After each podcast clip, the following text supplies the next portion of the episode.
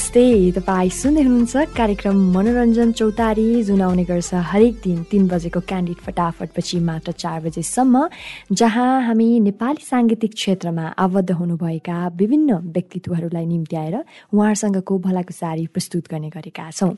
जुन भलाकुसारीलाई तपाईँले हाम्रो official website Facebook page podcast Hamro Patro र रेडियो क्यान्डिडको अफिसियल एप डाउनलोड गरेर पनि सुन्न सक्नुहुनेछ आज पनि तपाईँले हामीलाई चार बजेसम्म सुनेर साथ दिनुहुन्छ भन्ने आशा गरेकी छु। म छु तपाईँको साथमा कार्यक्रम प्रस्तुता ससमी लिम्बू।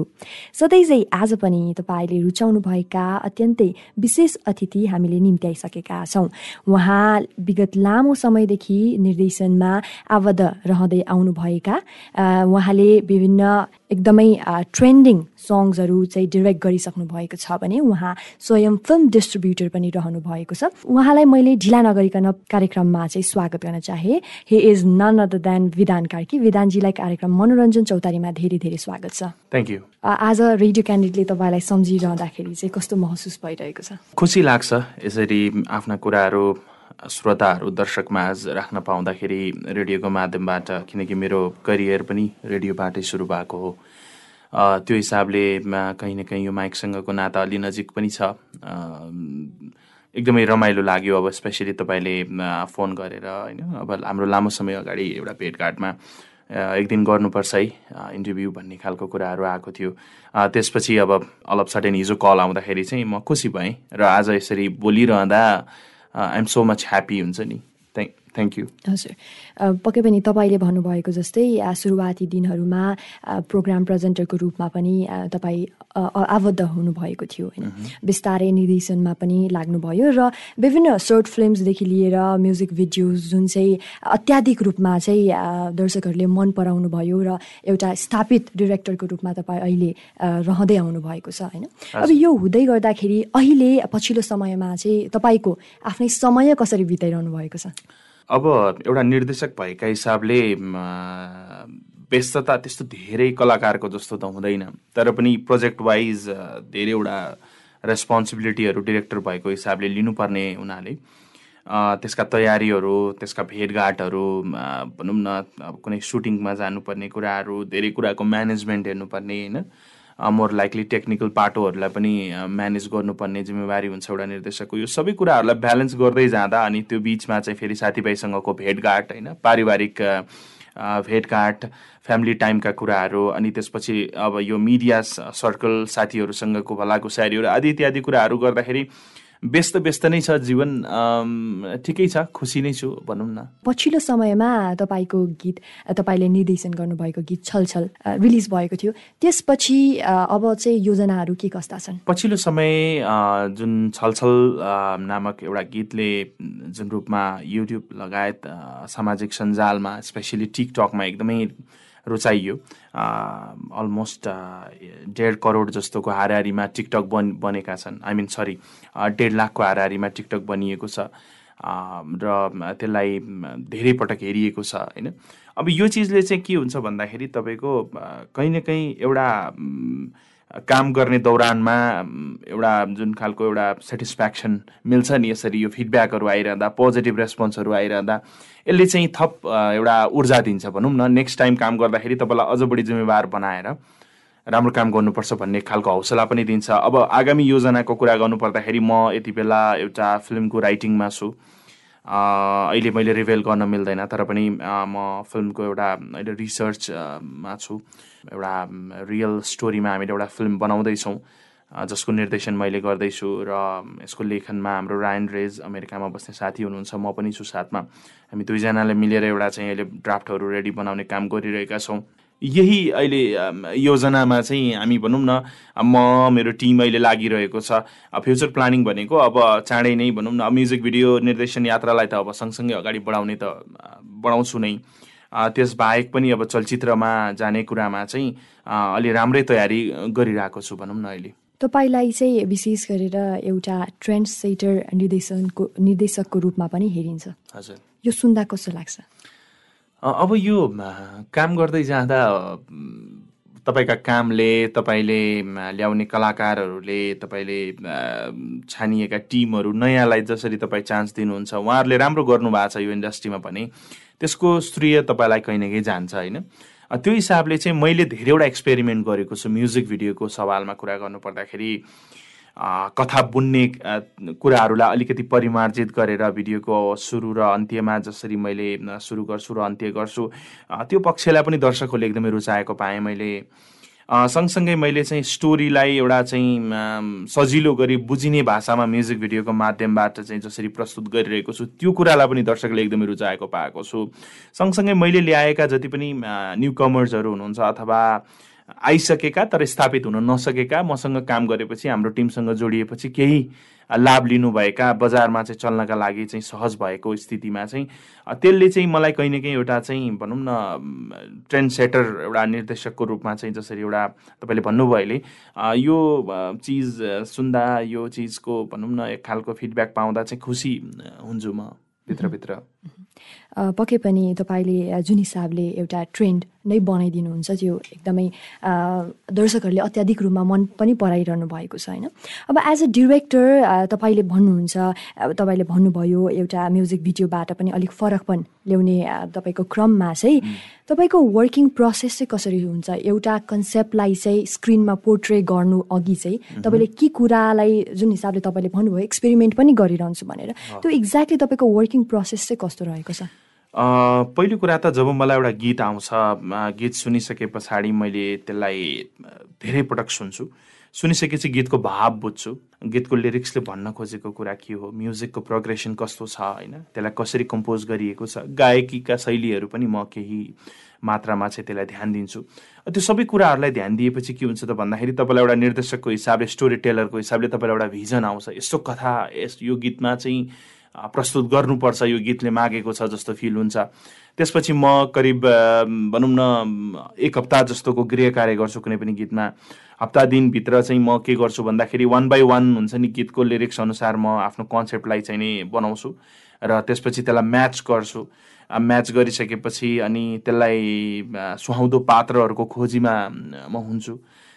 त्यसपछि कुनै गीतमा दुईवटा क्यारेक्टर चाहिएको छ भने दुईजना राख्छु। प्रायः मैले चारजना पनि राखिरहेको हुन्छु होइन? अनि अलिकति स्टोरी बेसको गीतहरू गर्न बढी रुचाउँछु म चाहिँ डान्सिङ प्याटर्नको भन्दा पनि। जसरी पछिल्लो समय नबोली नबोली भन्ने गीत एकदमै हिट भयो त्यो गीतमा चाहिँ हामीले भनौँ न एउटा नयाँ तरिकाले चाहिँ भिडियोलाई प्ले गरेका थियौँ। अडियो जति सशक्त सशक्त छ भिडियो पनि त्यत्तिकै राम्रो भनेर एप्रिसिएट पाइयो। यो सबै चिजहरू मैले यसरी नै हुन्छ नि वर्कआउट गर्दै गर्दै गएर त्यसलाई चाहिँ फेरि अब कलाकारसँग भेटघाट गरेर एकचरण वार्ता गरेर यस्तो खालको कन्सेप्ट छ यस्तो यस्तो यस्तो चिजहरू चाहिँ हुन्छ भनिसकेपछि मैले क्यामराम्यानसँग बसेर अनि एक खालको प्लानिङ गर्छु अनि त्यसपछि प्रडक्सन म्यानेजरसँग एक खालको ल यस्तो यस्तो मलाई रिक्वायरमेन्ट छ मलाई यस्तो खालको लोकेसन चाहिएको छ यो डेटको लागि मिलाउ भन्छु। त्यसपछि मेरो प्रोसेस यसरी अगाडि बढ्छ। र मेरो एउटा मात्रै के छ भन्दाखेरि मैले काम गर्दाखेरि म कुनै पनि गीतलाई एकदमै लाइटली लिँदिनँ कि कुनै पनि प्रोजेक्टलाई होइन। म जुन प्रोजेक्ट लिन्छु म अलिकति डिलको डिलिङ गर्ने मामलामा चाहिँ अलिकति कडा रूपमा प्रस्तुत चाहिँ अवश्य पनि हुन्छु। सुरुमा चाहिँ म अलिकति रुखो बोल्छु। किन भन्दाखेरि मैले पहिले सबै कुराहरू क्लियर गर्नुपर्छ भन्ने जस्तो लाग्छ। सबै कुरा हुन्छ हुन्छ हुन्छ भनेर लेटर अन अलिकति प्रब्लमहरू आयो भने चाहिँ त्यसले चाहिँ एउटा भनौँ न अप्ठ्यारो स्थितिमा पुर्याउँछ। त्यो भएको भएर मैले सबै कुरा कन्सिक्वेन्सेसहरू पोजिटिभ साइड नेगेटिभ साइड सबै कुराहरू मैले पहिल्यै भन्छु कि प्रड्युसरलाई कुनै पनि मलाई गीत दिने। जति पनि सर्जकहरू हुनुहुन्छ उहाँहरूलाई त्यसपछि मैले यसरी मेरो प्रोसेसहरू अगाडि बढ्छ अनि मैले त्यो रिलिजको टाइमलाइन अनुसार अब कामहरू गर्ने पोस्ट प्रडक्सन कामहरू गर्ने अनि रिलिज भएपछि मिडियासँगको रिलेसन कसरी मेन्टेन गर्ने गीतलाई कसरी बजारसम्म लैजाने दर्शकसम्म पुर्याउने जस्ता कुराहरू अनि अब अहिले त फेरि टिकटकको पनि छ चलन। टिकटकमा चाहिँ कसरी हामीले चाहिँ टिकटक बनाउनका लागि मान्छेलाई कसरी प्रेरित गर्न सकिन्छ भन्ने खालका अभियानहरू चलाउँछु। समग्रमा हरेक प्रोजेक्टलाई मैले त्यत्तिकै मेहनत गरेर भनौँ न एउटै एउटै खालको प्रोसेसहरू मैले फलो गरेको हुन्छु मेकिङको हिसाबले। अनि अब स्टोरी टेलिङको हिसाबले यो कथाको हिसाबले यसलाई नयाँ कसरी दिने भन्दाखेरि मलाई कस्तो हुन्छ भने एउटा कुनै राम्रो गीत आयो भने मलाई एक खालको अर्कै ऊर्जा आउँछ। त्यो ऊर्जाले मलाई के दिन्छ भन्दाखेरि होइन यो गीतमा मैले के एक्सपेरिमेन्ट गऱ्यो भने गीत आफैमा राम्रो छ यो गीतमा त मैले खासै मिहिनेत गर्नुपर्ने देखिएको त केही पनि छैन। तर पनि यसमा मैले कुनै एक्सपेरिमेन्ट गऱ्यो भने यो चल्ने खालको गीतमा एक्सपेरिमेन्ट गऱ्यो भने सफल भइन्छ। त्यहाँ आबद्ध भएका हरेक व्यक्तिले त्यसको क्रेडिट पाउँछन् भन्ने जुन खालको सोच राख्छु त्यही चिजलाई मैले मेहनत गरेर एक्जिक्युट गर्छु। पक्कै पनि यति लामो प्रोसेस भएर नै तपाईँले एउटा ट्रेन्ड मेन्टेन गर्न सकिरहनु भएको रहेछ। र यो दस दर्जनौ तपाईँले गरिसक्नुभयो होइन। यो गरेको मध्येबाट तपाईँले best music video concept award पनि हासिल गर्नुभएको थियो। जुन चाहिँ एउटा इन्टरनेसनल रहेको थियो। इन्टरनेसनल सोर्ट फिल्म फेस्टिभल रहेको थियो। होइन त्यसै गरी नेपालबाट पनि तपाईँले विभिन्न उत्कृष्ट भिडियो निर्देशकदेखि लिएर उत्कृष्ट सर्ट फिल्म निर्देशकदेखि लिएर ग्लोबल नेपाली फिल्म अवार्ड त्यसै गरी global Nepali film award two thousand eighteen विभिन्न अवार्डहरू पनि तपाईँले हासिल गर्न सफल भइसक्नु भएको छ। यो सबै अवार्डहरूले गर्दाखेरि चाहिँ एउटा स्थापित निर्देशक बन्ने पहिचान दिलाउँदो रहेछ कि रहेनछ पक्कै पनि तपाईँको जसरी हामीले कुनै पनि चिज सार्वजनिक गर्छौँ सृजना सार्वजनिक गर्छौँ त्यसको हरेक खालको हरेक प्लेटफर्मबाट आउने फिडब्याक जस्तो टेलिभिजनबाट आउने फिडब्याक रेडियोबाट गीत सुन्नेहरूको फिडब्याक अथवा भनौँ अहिले त अब अन्य डिजिटल प्लेटफर्महरूतिर पनि राख्ने गरिएको छ। त्यस पछाडि युट्युबबाट आउने स्पेसली हामीले लिने फिडब्याकहरू टिकटकबाट आउने फिडब्याकहरू पर्सनल इन पर्सन भेटमा कसैले हामीलाई दिएका फिडब्याकहरू यो सबै कुरालाई मध्यनजर गरेर म कुन स्ट्यान्डमा छु मैले कस्तो काम गरिरहेको छु इन्डस्ट्रीमा मैले मेरो कामले कस्तो स्थान पाइरहेको छ भन्ने कुराको तपाईँलाई जानकारी मिल्ने गर्छ।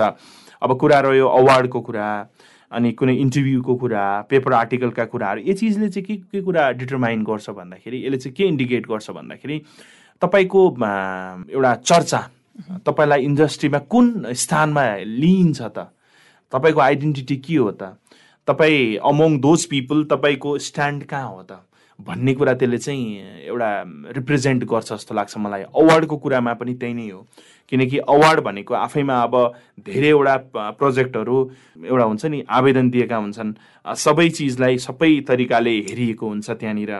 तीमध्ये पाँच नोमि उत्कृष्ट पाँच नोमिनेसनमा परेर त्यसपछि फेरि अवार्ड जित्ने भन्ने कुरा कुनै चान्चुने कुरा त अवश्य पनि होइन। अब त्यो अवार्ड जित्नुको अर्थ के हो भने म भयङ्कर हो म सुपेरियर हो म जस्तो कोही पनि छैन होइन। त्यो त्यो टाइम फ्रेममा त्यो उहाँहरूले जुन जुरी मेम्बर्सहरूले जुन अवार्ड अर्गनाइजर्सहरूले जुन खालको क्राइटेरिया बनाउनुहुन्छ एउटा अवार्ड विनिङ गर्नका लागि जुन विनरका लागि एउटा चाहिँ क्राइटेरिया बनाउनुहुन्छ त्यो भित्र रहेर त्यो क्राइटेरिया मिट गरेको रिक्वायरमेन्ट मिट गरेको हुनाले अवार्ड दिने हो होइन? अब त्यसले चाहिँ तपाईँलाई बजारमा कहीँ न कहीँ राम्रो अवार्डले पहिचान बोकेको अवार्डले चाहिँ पक्कै पनि तपाईँलाई इन्डस्ट्रीमा स्थापित गर्नको लागि ठुलो इटा थप्छ त्यसले। त्यसैले स्थापित गर्छ भन्ने त होइन किनकि तपाईँको कामले स्थापित गर्ने हो तपाईँको व्यवहारले स्थापित गर्ने हो तपाईँले तपाईँको जिम्मेवारीले स्थापित गर्ने हो खासमा चाहिँ होइन?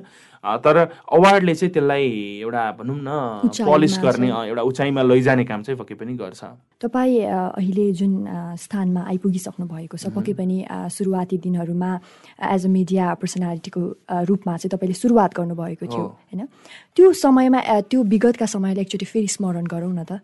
अब हामी अवार्डका कुरा गऱ्यौँ सफलताका कुरा गऱ्यौँ जसरी तपाईँले निर्देशन गर्नुभएका मेजोरिटी म्युजिक भिडियोज चाहिँ ट्रेन्डिङ नम्बर वानमा पुग्न सफल भएका छन्। र त्यो दिनहरू दिनहरूमा चाहिँ जहाँ तपाईँले सुरुवात गर्नुभएको थियो त्यो सुरुवाती दिनहरूमा चाहिँ कसरी सुरुवात भयो र कस्तो कस्तो च्यालेन्जेसहरू फेस गर्नु पर्यो अब back to the normal life बाल्यकालमा जाँदाखेरि चाहिँ अब म निकै यहाँबाट निकै टाढा भनौँ न कैलाली जिल्लाको टिकापुर नगरपालिकाको अस्नेहेरी भन्ने ठाउँमा जन्मिएको हुँ। र मेरो बाल्यकाल पारिवारिक स्थिति हेर्दाखेरि हामी एउटा मध्यम वर्ग फ्यामिली हो। मलाई दुःख किन एउटा सानो छोरा म चाहिँ सबैभन्दा कान्छो सन्तान भएको हिसाबले मैले धेरै दुःख चाहिँ गर्नु परेन। अनि क्रमबद्ध रूपमा म चाहिँ कस्तो खालको स्वभावको थिएँ भन्दाखेरि अलिकति चुलबुले अलिकति एक्सपोसिभ हुन्छ नि आफ्नो एक्सप्रेसिभ एउटा आफ्ना कुराहरू राख्न रुचाउने खालको स्वभाव थियो मेरो। त्यो चिजलाई मैले कहीँ न कहीँ सिनेमासँग जोड्दै गएँ। मलाई सिनेमाप्रतिको रुचि एकदमै थियो हेर्नुहोस्। म सानैबाट भनौँ न मलाई याद छ म क्लास टू थ्री पढ्दाखेरि नि मलाई सिनेमाप्रतिको रुचि एकदम बढेको थियो। फाइभ क्लास पढ्दासम्म त मैले गाउँमा भनौँ न टिभीमा भनौँ तपाईँको चाहिँ फिल्महरू देखाउने गर्थेँ मैले बच्चाहरू जम्मा गरेर। त्यो बेलाका मेरा समकालीन साथीहरू अथवा त्योभन्दा जुनियरहरू भाइहरू सिनियरहरूलाई पनि जम्मा गरेर मैले मेरो घरमा देखाउने पैसा लिएर दुई रुपियाँ पाँच रुपियाँ लिएर म चाहिँ फिल्महरू देखाउने गर्थेँ कि। त्यो चाहिँ किन भन्दाखेरि मलाई आफूलाई पनि हेर्न मन लाग्ने। अनि त्यो भिसिडी किनेर ल्याएपछि त त्यसलाई अब त्यो वर्थिट त बनाउनु पऱ्यो भनेर म चाहिँ फेरि एक्लै हेर्न प्रायः नरुचाउने कि फिल्म। अनि मैले चाहिँ ग्रुप जम्मा गरेर चेयरिङ गर्दै सा हुन्छ नि हल्ला गर्दै हेर्न रुचाउने भएको हिसाबले त्यसरी मैले आफ्नो जीवनलाई चाहिँ चलचित्रसँग जोड्दै गएँ। प्राय चलचित्रहरू हलमा गएर हेर्थेँ म। प्राय लगभग सबै हेर्थेँ मैले। त्यहाँ हाम्रो टिकापुर हलमा लाग्ने जति पनि चलचित्रहरू हुन्थ्यो सबै हेर्थेँ मैले नेपाली चलचित्र स्पेसली अब हिन्दी चलचित्रहरू त हामीले भिसिडीमा हेरि नै हाल्थ्यौँ।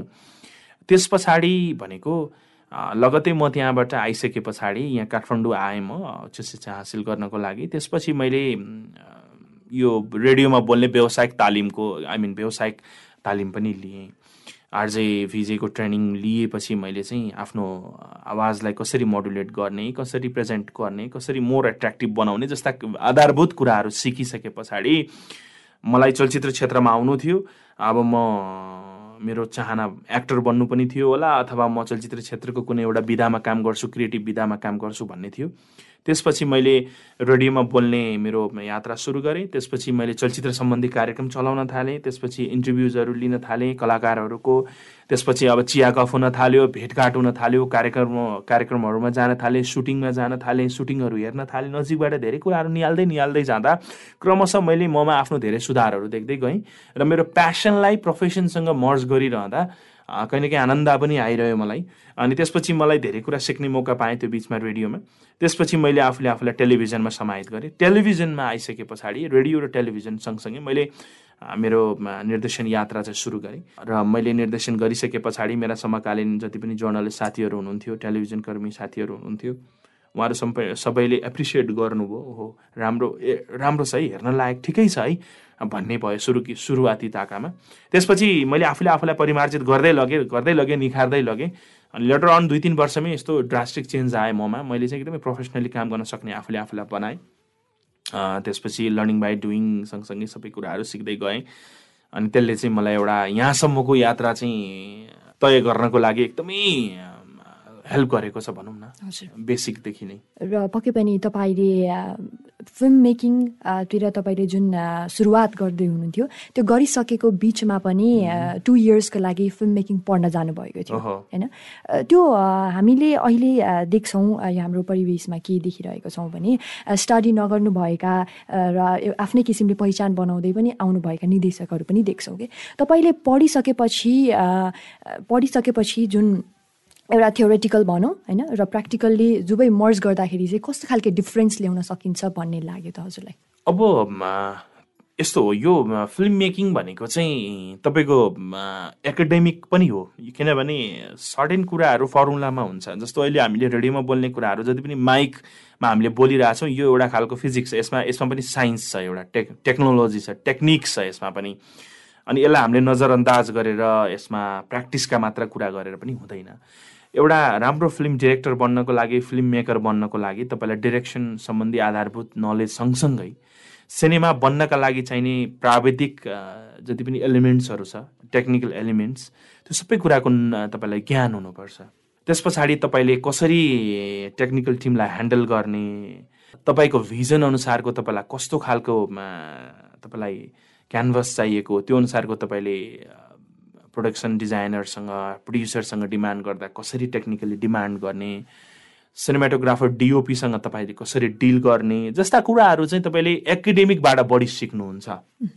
लर्निङ बाई डुइङ चाहिँ कस्तो हुन्छ भने मैले जोसँग जे सिकेँ मैले त्यही सिकिरहेको हुन्छु। जस्तो मेरो गुरु जो एउटा कुनै रामबहादुर भन्ने मेरो गुरु हुनुहुन्छ उहाँसँग मैले लामो समय असिस्टेन्टको काम गरेँ भने उहाँले जस्तो खालको टेक्निकहरू अप्नाउनुहुन्थ्यो मैले पनि समहाउ त्यस्तै त्यस्तै खालको मैले काम गर्ने मेरो शैलीमा आफूले आफूलाई अगाडि बढाउँछु कि मैले चाहिँ। मैले नयाँ खासै नयाँ चिजहरू चाहिँ दिनलाई मलाई त्यति धेरै सहजता हुँदैन। किनकि म त्यो आउट अफ द बक्स गएको हुँदिनँ नि त। त्यो एउटा पेरिफेरी भित्रै काम गरिरहेको हुन्छु। तर अब एकाडेमिक्सले चाहिँ के गर्छ तपाईँलाई भन्दाखेरि तपाईँलाई एक्सपोजर दिन्छ। तपाईँलाई इन्हान्स गर्छ। जस्तो मान्छेले भन्छ नि ए यसले मास्टर्स गरेको छ साइन्समा तर चाहिँ पसल थापेको छ पसल गर्छ यसको काम भएन पढाइको भनिन्छ। तर त्यो गलत हो। किनभने पढाइको कुरा त त्यो जे पढेको छ त्यही काम गर्नुपर्छ भन्ने पनि त होइन नि त। किनकि पढ्ने भनेको त एउटा आफूले आफूलाई मोर एक्सप्रेसिभ बनाउनुको लागि मोर नलेजेबल बनाउनुको लागि अलि बढी मेच्योर बनाउनुको लागि सिचुएसनलाई एकदमै सजिलो तरिकाले ह्यान्डल गर्नको लागि जीवनलाई नजिकबाट बुझ्नको लागि संसारलाई एउटा नजिकबाट बुझ्नको लागि पढ्ने हो नि त कहीँ न कहीँ। पढ्ने कुरा त त्यो पनि हो नि त। अब त्यो भएको भएर चाहिँ अब फिल्म मेकिङको एकाडेमिक्सले चाहिँ के गर्छ तपाईँलाई भन्दाखेरि सिनेमा सम्बन्धी धेरै एलिमेन्ट्सहरू जति पनि डिपार्टमेन्टहरू हुन्छ उनीहरूको धेरै थोर नलेज तपाईँलाई एकाडेमिकली आउँछ। तपाईँलाई ठुलो खालको प्रडक्सन गर्नु पर्यो भने तपाईँ आत्तिनु हुँदैन। त्यस्तो बनाउँछ तपाईँलाई पढेपछि। तपाईँले काम गर्नुभयो भने के हुन्छ भने जुन पेरिफेरीमा काम गर्नुहुन्छ त्यो ठुलो स्केलमा काम गर्न जाँदाखेरि कसरी गर्ने होला कसरी के चाहिँ हुन्छ होला भन्ने लाग्न सक्छ।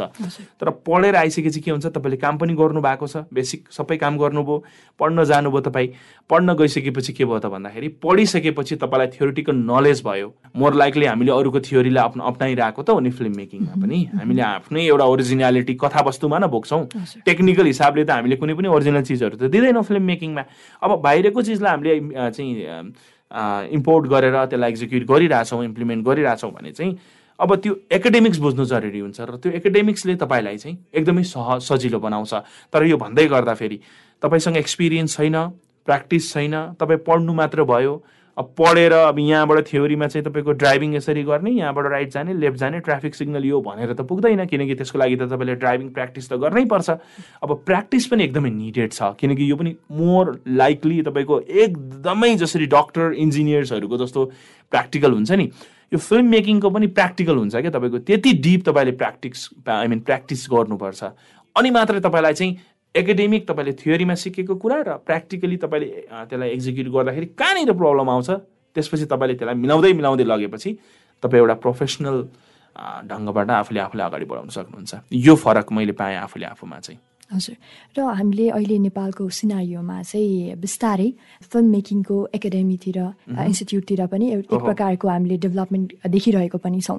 त्यही किसिमको तपाईँले अब अनुभव पनि गरिसक्नु भएको छ एउटा एजुकेसन पनि लिएर आइसक्नु भएको हुँदाखेरि चाहिँ हाम्रो यो एजुकेसन सिस्टममा चाहिँ स्पेसली फिल्म मेकिङमा चाहिँ कस्तो खालको एक्सपोजरको कमी भइरहेको छ वा त्यही प्रकारको एक्सपोजर भइरहेको छ कि छैन? एकाडेमिक्सको कुरामा तपाईँले जसरी पढ्नेहरूका लागि एक्सपोजको कुरा गर्नुभयो या के गर्नुभयो ठ्याक्कै? हजुर। किनभने पढिसकेपछि नेक्स्ट स्टेप के त? होइन? त्यही प्रकारको चाहिँ जुन हिसाबले एउटा ठाउँमा पुर्याउनु पर्ने हो त्यो एकाडेमिक्स पढिसकेपछि। फर इक्जाम्पल हामीले अरू जनराको पढ्दाखेरि चाहिँ यो पढिसकेपछि म ब्याङ्कमा काम गर्छु। एउटा स्थान उनीहरूको पहिले भइसक्दाखेरि चाहिँ त्यही प्रकारको एउटा स्ट्याबिलिटी मेन्टेन गर्न सक्ने भइसकेको छ कि छैन? होइन यस्तो छ। तपाईँको मैले तपाईँलाई भने जस्तो अहिले चाहिँ हामीले सिक्ने कहाँबाट त? जस्तो तपाईँलाई चलचित्र खेल्नु छ म्युजिक भिडियो खेल्नु छ तपाईँलाई स्क्रिनमा आउनु छ। स्क्रिनमा आउने मात्र कुरा किन गरौँ?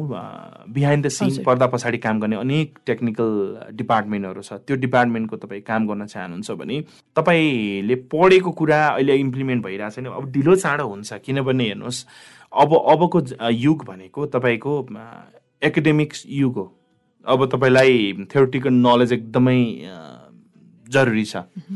किनकि तपाईँ नेपाली टिमसँग मात्र काम गर्नुहुन्न तपाईँ इन्टरनेसनल टिमसँग कोलाबोरेसन गर्न चाहनुहुन्छ भने तपाईँको भाषा मैले इङ्ग्लिस नेपालीको ल्याङ्ग्वेजको कुरा गरेको होइन कि सिनेमेटिक भाषा चाहिँ तपाईँले जान्नका लागि त पढ्नु पऱ्यो सिनेमा सम्बन्धी अध्ययन गरेको हुनु पऱ्यो तपाईँले यसरी यति मिलाउन भन्नु र तपाईँले स्पेसिफिक कुनै टेक्निकल टर्म्स दिएर यसरी ठ्याक्कै यो गर भन्नुमा त फरक छ नि त।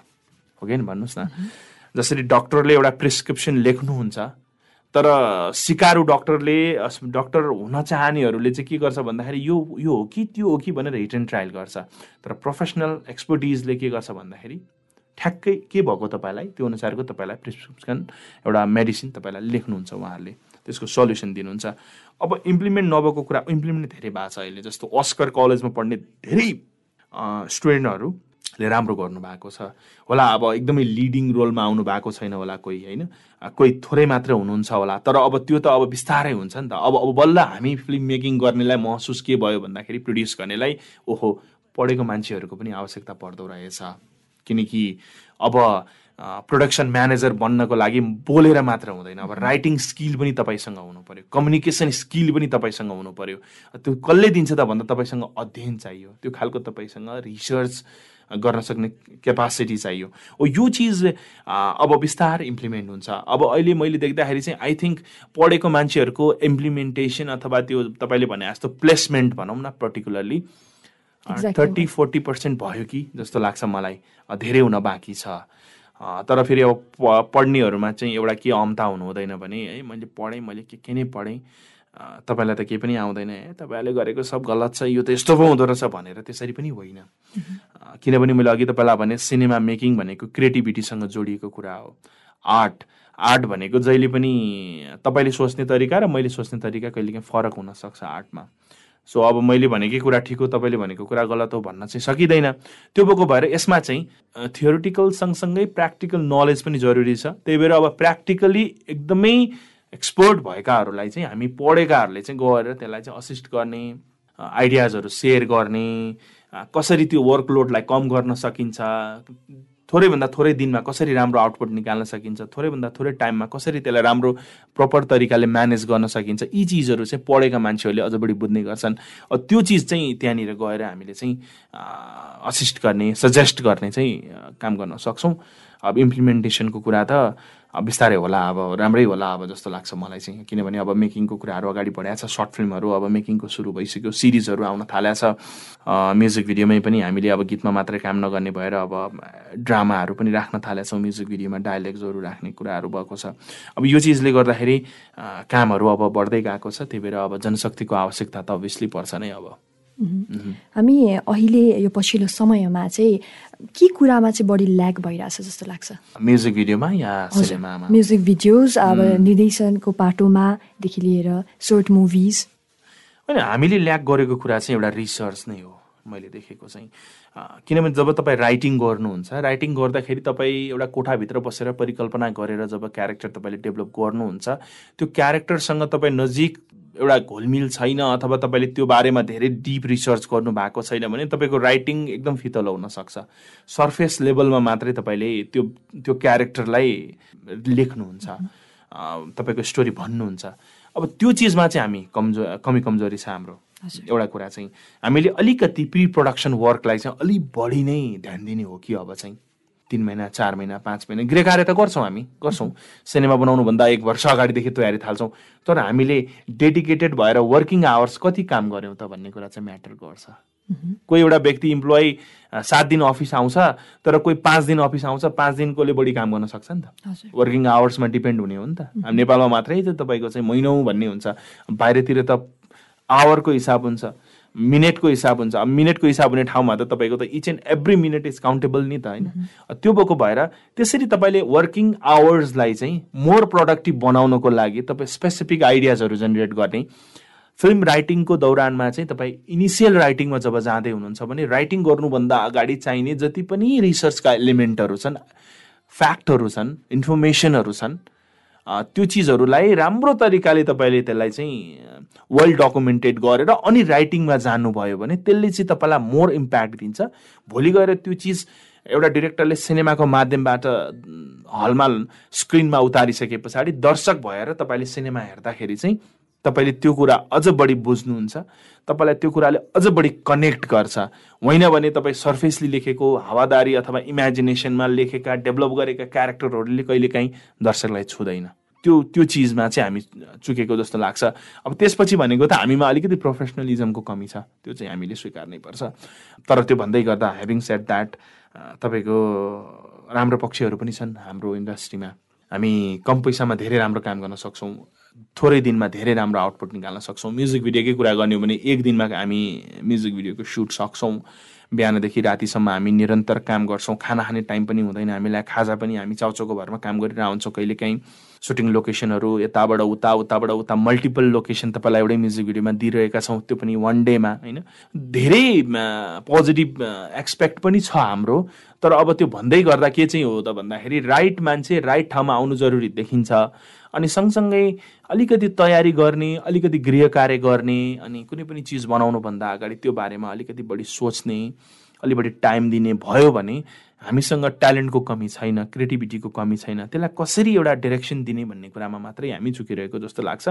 अब त्यो बिस्तारै बिस्तारै त्यो राम्रो पनि हुँदैछ टाइम एन्ड अगेन हजुर। भनेपछि अध्ययनमा अलि हामीले बढी समय दिन चाहिँ. चुकिरहेका छौँ तपाईँले भन्नुभयो जस्तै छोटो समयमै कति सुटिङहरू पनि सकिएका छन् र त्यही कुरामा पनि अहिले म्युजिक भिडियो निर्माण चाहिँ तुलनात्मक हिसाबमा चाहिँ अलिक बढेकै छ।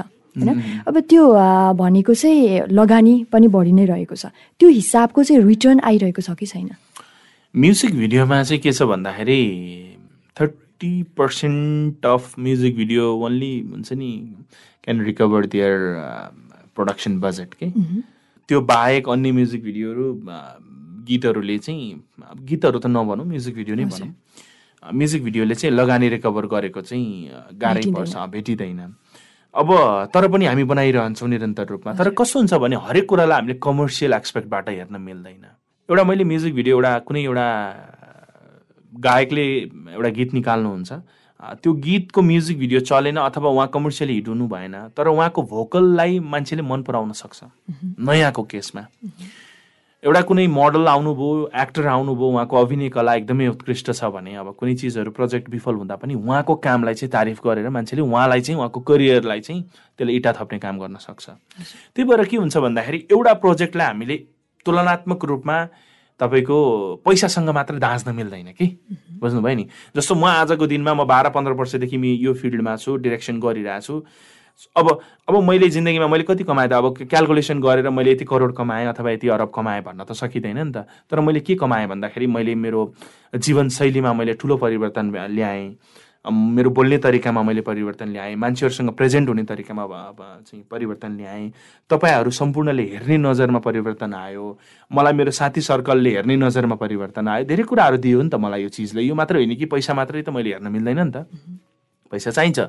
जीवन बाँच्नका लागि चाहिन्छ। तर कति कमर्सियली हामी सफल भयौँ भन्दा पनि कति हामी सोसियली अथवा हामीले हाम्रो सेटिस्फ्याक्सन लेभललाई चाहिँ कसरी मिट गरिरहेका छौँ भन्ने कुरा चाहिँ मेरो लागि महत्त्वपूर्ण हुन्छ। सो तपाईँ अहिले जुन स्थानमा हुनुहुन्छ त्यो स्थानबाट सन्तुष्ट हुनुहुन्छ? म एकदमै ह्याप्पी छु एकदमै सेटिस्फ्याक्सन भन्दा पनि म एकदमै खुसी छु एकदमै एक्साइटेड नै छु। किनकि मैले जति मेहनत गरेको छु जति गरेको छु कर्म अनुसारको फल मैले लगभग लगभग पाएको छु। कहिले काहीँ अब टाइमिङले अलिकति त्यही चिजले तलमाथि हुन्छ लाइफ हो होइन? अप्स एन्ड डाउन्स हुन्छ।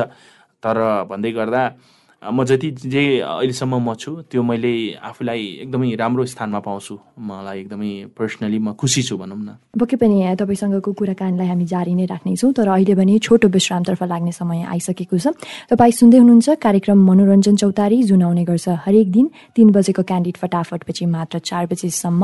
अहिले पनि तपाईँले हामीलाई चार बजेसम्म सुनेर साथ दिनुहुन्छ भन्ने आशा गरेकी छु। कतै नजानुहोला यो छोटो विश्रामपछि हामी पुनः फर्केर आउने नै छौँ।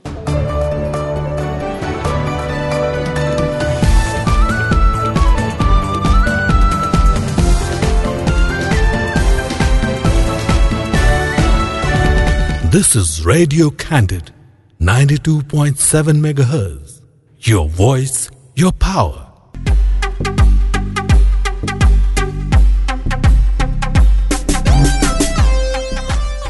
विश्रामपछि पुनः स्वागत छ। तपाईँ सुन्दै हुनुहुन्छ कार्यक्रम मनोरञ्जन चौतारी। जुन आउने गर्छ हरेक दिन तिन बजेको क्यान्डिड फटाफटपछि मात्र चार बजेसम्म जहाँ नेपाली साङ्गीतिक क्षेत्रमा आबद्ध हुनुभएका विभिन्न व्यक्तित्वहरूलाई निम्ति उहाँहरूसँगको भलाको सारी प्रस्तुत गर्ने गरेका छौँ। यदि तपाईँले हामीलाई सुरुवातदेखि नै सुनिरहनु भएको छ भने आज हामीसँग अतिथि को हुनुहुन्छ भनेर थाहा पाइसक्नु भएको छ तर भर्खरै मात्र सुन्नुभएको हो भने हामीसँग हुनुहुन्छ अत्यन्तै चर्चित अ, डाइरेक्टर त्यसै गरी फिल्म डिस्ट्रिब्युटर विधान कार्की उहाँसँगको कुराकानीलाई मैले निरन्तरता दिन चाहेँ। विधानजी तपाईँलाई पुनः स्वागत छ। थ्याङ्क यू सो मच फेरि पनि। तपाईँ नेपाल म्युजिक भिडियो निर्देशक समाजका संस्थापक अध्यक्ष पनि हुनुहुन्छ। हो। यो विशेष गरेर कलाकारहरूले चाहिँ संस्थाहरूले विशेष संरचना र नीति नियमहरूको चाहिँ इम्प्लिमेन्ट नभएको गुनासो गरिरहँदाखेरि चाहिँ तपाईँ आफै पनि अध्यक्ष हुनुहुँदाखेरि यसमा के भन्नुहुन्छ? अ, यस्तो छ। अब यो हाम्रो लगभग पैँतिस वर्ष लामो म्युजिक भिडियोको इतिहास मेकिङको इतिहासमा पहिलो पटक एउटा निर्देशकहरूको म्युजिक स्पेसली म्युजिक भिडियो निर्देशकहरूको संस्था गठन भएको हो। सौभाग्यपूर्ण हिसाबले भन्नुपर्दाखेरि मेरो जिन्दगीको एउटा एचिभमेन्ट नै मान्छु म यसलाई। म यसको एउटा लिडिङ पोस्टमा हुन पुगेँ। मैले संस्थालाई सृजना गर्दा स्थापना गर्दाखेरि एउटा अहम भूमिका निर्वाह गरेँ। म लगायत हाम्रो देवेन्द्र पाण्डेजीलाई पनि सम्झिन्छु। उहाँ हामी दुईजनाले एकदमै मिहिनेत गरेर सुब्रत आचार्य दाई हामी तिनजनाको एकदमै इनिसिएटिभ भएको हिसाबले पछि गएर हाम्रो निशान घिम्रे दाईदेखि लिएर निकेश खड्काजी सबै जोडिनु भयो यसले चाहिँ एउटा चाहिँ निर्देशकहरू तिमीहरू को हौ? तिमीहरू को हो भनेर सोद्धाखेरि मैले मेरो युट्युबमा देखाएर म यो हुँ भन्नुपर्ने स्थिति थियो। अन्तर्राष्ट्रिय ट्राभल गर्दाखेरि होस् डोमेस्टिक ट्राभल गर्दाखेरि होस् लिगल कुराहरूमा तिमी को हो? तिम्रो आइडेन्टिफिकेसन के छ? लिगल आइडेन्टिफिकेसन के हो? देखाऊ भन्दाखेरि मुखले भन्नुपर्ने स्थितिलाई चिर्दै हामीले चाहिँ एउटा प्रपर डेजिग्नेसन एउटा आइडेन्टिफिकेसनका लागि यो संस्था स्थापना गऱ्यौँ। सबैभन्दा प्रमुख कारण त हाम्रो यो नै हो म्युजिक भिडियो निर्देशक समाजको। अब तपाईँले भने जस्तो यसका लिगल एक्सपेक्टहरू गुनासोहरू जस्ता कलाकारहरूका कुराहरू निर्देशकहरूका समस्याका कुराहरू पनि अब यसले सम्बोधन गर्छ। मैले यो बिचमा चाहिँ धेरै खालका गुनासोहरू सुनेको पनि छु। मैले कति कुराहरू फोनबाटै सर्टेड पनि गरेँ भेटेर पनि सर्टेड गरेँ। भनौँ न अब जुन अब आरोप प्रत्यारोप त हुन्छ नै हेर्नुहोस् होइन? अब तर एउटा संस्थाको एउटा पोस्टमा बसेर काम गरिसके पछाडि अलिकति भन्या जस्तो कति कुराहरू नहुँदो रहेछ किनकि यो मेरो प्राइभेट कम्पनी होइन यो संस्था हो। सामाजिक संस्था भइसके पछाडि मैले सम्पूर्ण मेरा पन्ध्रजना एक्जिक्युटिभ मेम्बरहरूका कुराहरू सुन्नुपर्छ म बाहेक अन्य चौधजनाको अब त्यो भइसके पछाडि सबै कुराहरूलाई मिलाउँदै मिलाउँदै लगेर कसैलाई पनि मर्का नपर्ने तरिकाले हाम्रो म्युजिक भिडियो निर्देशक समाज अहिले अगाडि बढेको छ। र यसले चाहिँ कुनै पनि नराम्रो काम अहिलेसम्म गरेको छैन। सो सात महिनाको हामी ड्युरेसनमा छौँ। अब साधारण सभा आउँदैछ चाँडै नै हामी एक महिनाभित्र गर्दैछौँ। अब यो कारणले गर्दाखेरि चाहिँ अब हामीले नीति नियम बनाउने त्यसलाई चाहिँ नि भनौँ न यो हाम्रो म्युजिक भिडियो बन्ने क्रम जुन खालको छताछुल्लभ तरिकाले बनिरहेको छ यसलाई एउटा वेल डकुमेन्टेसन गर्ने एउटा आर्काइभ बनाउने कतिवटा म्युजिक भिडियो बन्छ अथवा कस्ता खालका म्युजिक भिडियो बन्छन् सस्तोमा कतिमा बन्छ महँगोमा कतिमा बनाइरहेका छौँ हामीले जस्ता कुराको एकिन डाटाहरू चाहिँ हामीले कलेक्ट गर्न सुरु गरेका छौँ। यसरी हामीले अहिले काम गरिरहेका छौँ भनौँ न। तपाईँले जुन हिसाबले भन्नुभयो वेल डकुमेन्टेड गरेर चाहिँ सुरुवात भइसकेको छ। यो विशेष गरेर यो तपाईँको समाज यो संस्थाले चाहिँ एक्ज्याक्टली कस्तो खालको डिफ्रेन्स ल्याउँछ? अब यसले चाहिँ के डिफ्रेन्स ल्याउँछ भन्दाखेरि तपाईँलाई पहिलो कुरा त कस्तो हुन्छ भने तपाईँ कुनै पनि काम गर्दै हुनुहुन्छ भने तपाईँ एउटा सेक्योर फिल गर्नु जरुरी छ। म निर्देशक भएका हिसाबले म कुनै ठाउँमा गएर काम गरिरहेको छु भने मेरो अस्तित्व के अथवा मेरो भोलिको भविष्य के अथवा भोलि सेक्युरिटी के त मेरो? भोलि मलाई केही गाह्रो साह्रो पर्दाखेरि म जाने कहाँ त? होइन? संस्थागत रूपमा कुनै एउटा संस्था भयो मेरो पछाडि भने मैले आफूले आफूलाई बलियो फिल गर्छु नि त। अलिकति म आफूलाई जिम्मेवार पनि फिल गर्छु। त्यस पछाडि त्यसले एउटा तपाईँलाई एउटा खालको मोरल सपोर्ट गर्छ। अनि मोरल सपोर्टले के गर्छ भन्दाखेरि तपाईँलाई क्रिएटिभिटीमा तपाईँको निखारता ल्याउँछ तपाईँ जब मेन्टली तपाईँ डिस्टर्ब हुनुहुन्छ भने त्यो बेला तपाईँले क्रिएटिभ कामहरू गर्न सक्नुहुन्न। अथवा गरे पनि तपाईँको त्यति आउटपुट निकाल्न सक्नुहुन्न। अब हाम्रो संस्थाले चाहिँ के गर्छ भने जति पनि निर्देशकहरू हुनुहुन्छ स्पेसली हाम्रो त निर्देशकको संस्था हो जति पनि नयाँ पुराना जति पनि सिनियर्सहरू जति पनि निर्देशक म्युजिक भिडियो निर्देशकहरू हुनुहुन्छ उहाँहरूलाई चाहे हाम्रो मेम्बर होस् नहोस् होइन? उहाँहरूलाई चाहिँ हामी कुनै पनि तरिकाको लिगल सपोर्टहरू चाहिन्छ कुनै पनि तरिकाको मोरल सोसल सपोर्ट चाहिन्छ भने हामी त्यसलाई चाहिँ कुनै पनि समयमा हामी त्यसलाई चाहिँ हेल्प गर्नको लागि त्यो पर्टिकुलर चिजलाई तयार छौँ। एउटा कुरा यो भयो। अब के फरक ल्याउँछ भन्ने कुरामा अब यो म्युजिक भिडियोमा चाहिँ के छ भन्दाखेरि हाम्रो इन्कमका कुराहरू हामीले यसलाई अलिकति वेल डकुमेन्टेड अलिकति बनाउन नसकेको चाहिँ हो होइन? अब ट्याक्सका कुराहरू आदि इत्यादिका कुराहरू अब यसलाई चाहिँ हामीले ट्याक्स को पद्धतिबाट पनि हामीले आर्जन गर्ने सर्टेन पैसाहरू निर्देशकको हिसाबले लिने पारिश्रमिकहरू पनि अब पर्सनल प्यानबाट त्यसलाई चाहिँ नि हामीले वर्षको कति तिर्ने अथवा महिनामा कति तिर्ने भन्ने सिस्टमबाट लैजाने सरकारसँग त्यो खालको पहल गर्ने अब हामीले अन्य पेसागत कर्मचारी अथवा चाहिँ नि पेसाको हिसाबले धेरै पैसा तिर्न सक्छौँ सक्दैनौँ त्यो आफ्नो ठाउँमा छ। तर हामीले सर्टेन पैसा राज्यलाई बुझाउनु पर्ने दायित्व चाहिँ हामीले दिने भन्ने खालका कुराहरू छ। अनि अर्को कुरा भनेको हामीले मेडिकल इन्सुरेन्सको कुराहरू अब अगाडि बढाउँदैछौँ। त्यो कुरामा चाहिँ हामी प्रवेश गर्दैछौँ। सम्पूर्ण निर्देशकहरूको हामीले सर्टेन एउटा अमाउन्ट लिएर हामीले चाहिँ उहाँहरूलाई चाहिँ एउटा सर्टेन वर्षको लागि चाहिँ मेडिकल इन्सुरेन्स गर्छौँ। अथवा इन्सुरेन्स फुल इन्सुरेन्स चाहिँ एउटा हेल्थ भनौँ न सँगसँगै लाइफ इन्सुरेन्सको कुराहरू पनि अगाडि बढाएका छौँ। यो सबै कुराहरू चाहिँ हामीले एउटा केही फरक गर्न खोजिरहेका छौँ। र फेरि पनि तपाईँलाई भने एउटा पहिचान मेन कुरा आइडेन्टिटी हो। हेर्नुहोस् तपाईँ जतिसुकै काम गरे पनि तपाईँ को हो भन्ने कुरा तपाईँले आफूले आफूलाई सोद्धाखेरि तपाईँसँग त्यसको जवाब हुनुपर्छ। समाजले सोद्धाखेरि त्यसको तपाईँसँग जवाब हुनुपर्छ। फ्यामिलीले सोद्धा तैँले के गरिरहेछस् के होस् त भन्दा म यो हुँ भनेर दिने एउटा स्थायित्व यसले यो संस्थाले प्रदान गरेको छ। यसमा हामी खुसी पनि छौँ।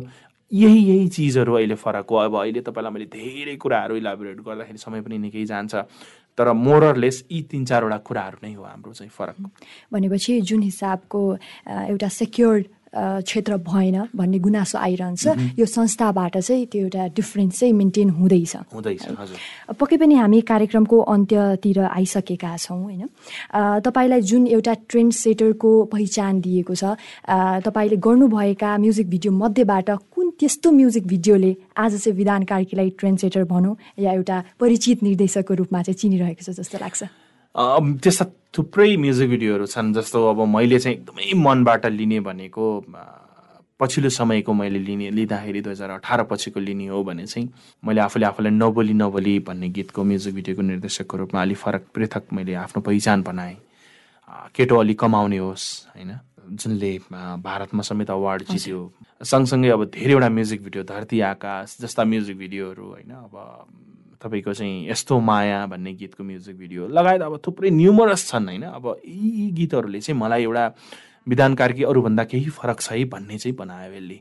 र अलिकति सृजनात्मक रूपमा अलिकति केही फरक एउटा ओरिजिनल चिजहरू केही न केही ल्याउँछ भन्ने कुरा मा एउटा भनौँ न एउटा पहिचान दियो मलाई। पक्कै पनि तपाईँले निर्देशन गर्नुभएको भिडियोबाट चाहिँ अघि भर्खर पनि तपाईँले मेन्सन गर्नुभएको थियो काम गरिरहेको तर एउटा स्थानमा पुग्न नसकेका कलाकारहरूलाई पनि एउटा नाम दिएको छ होइन?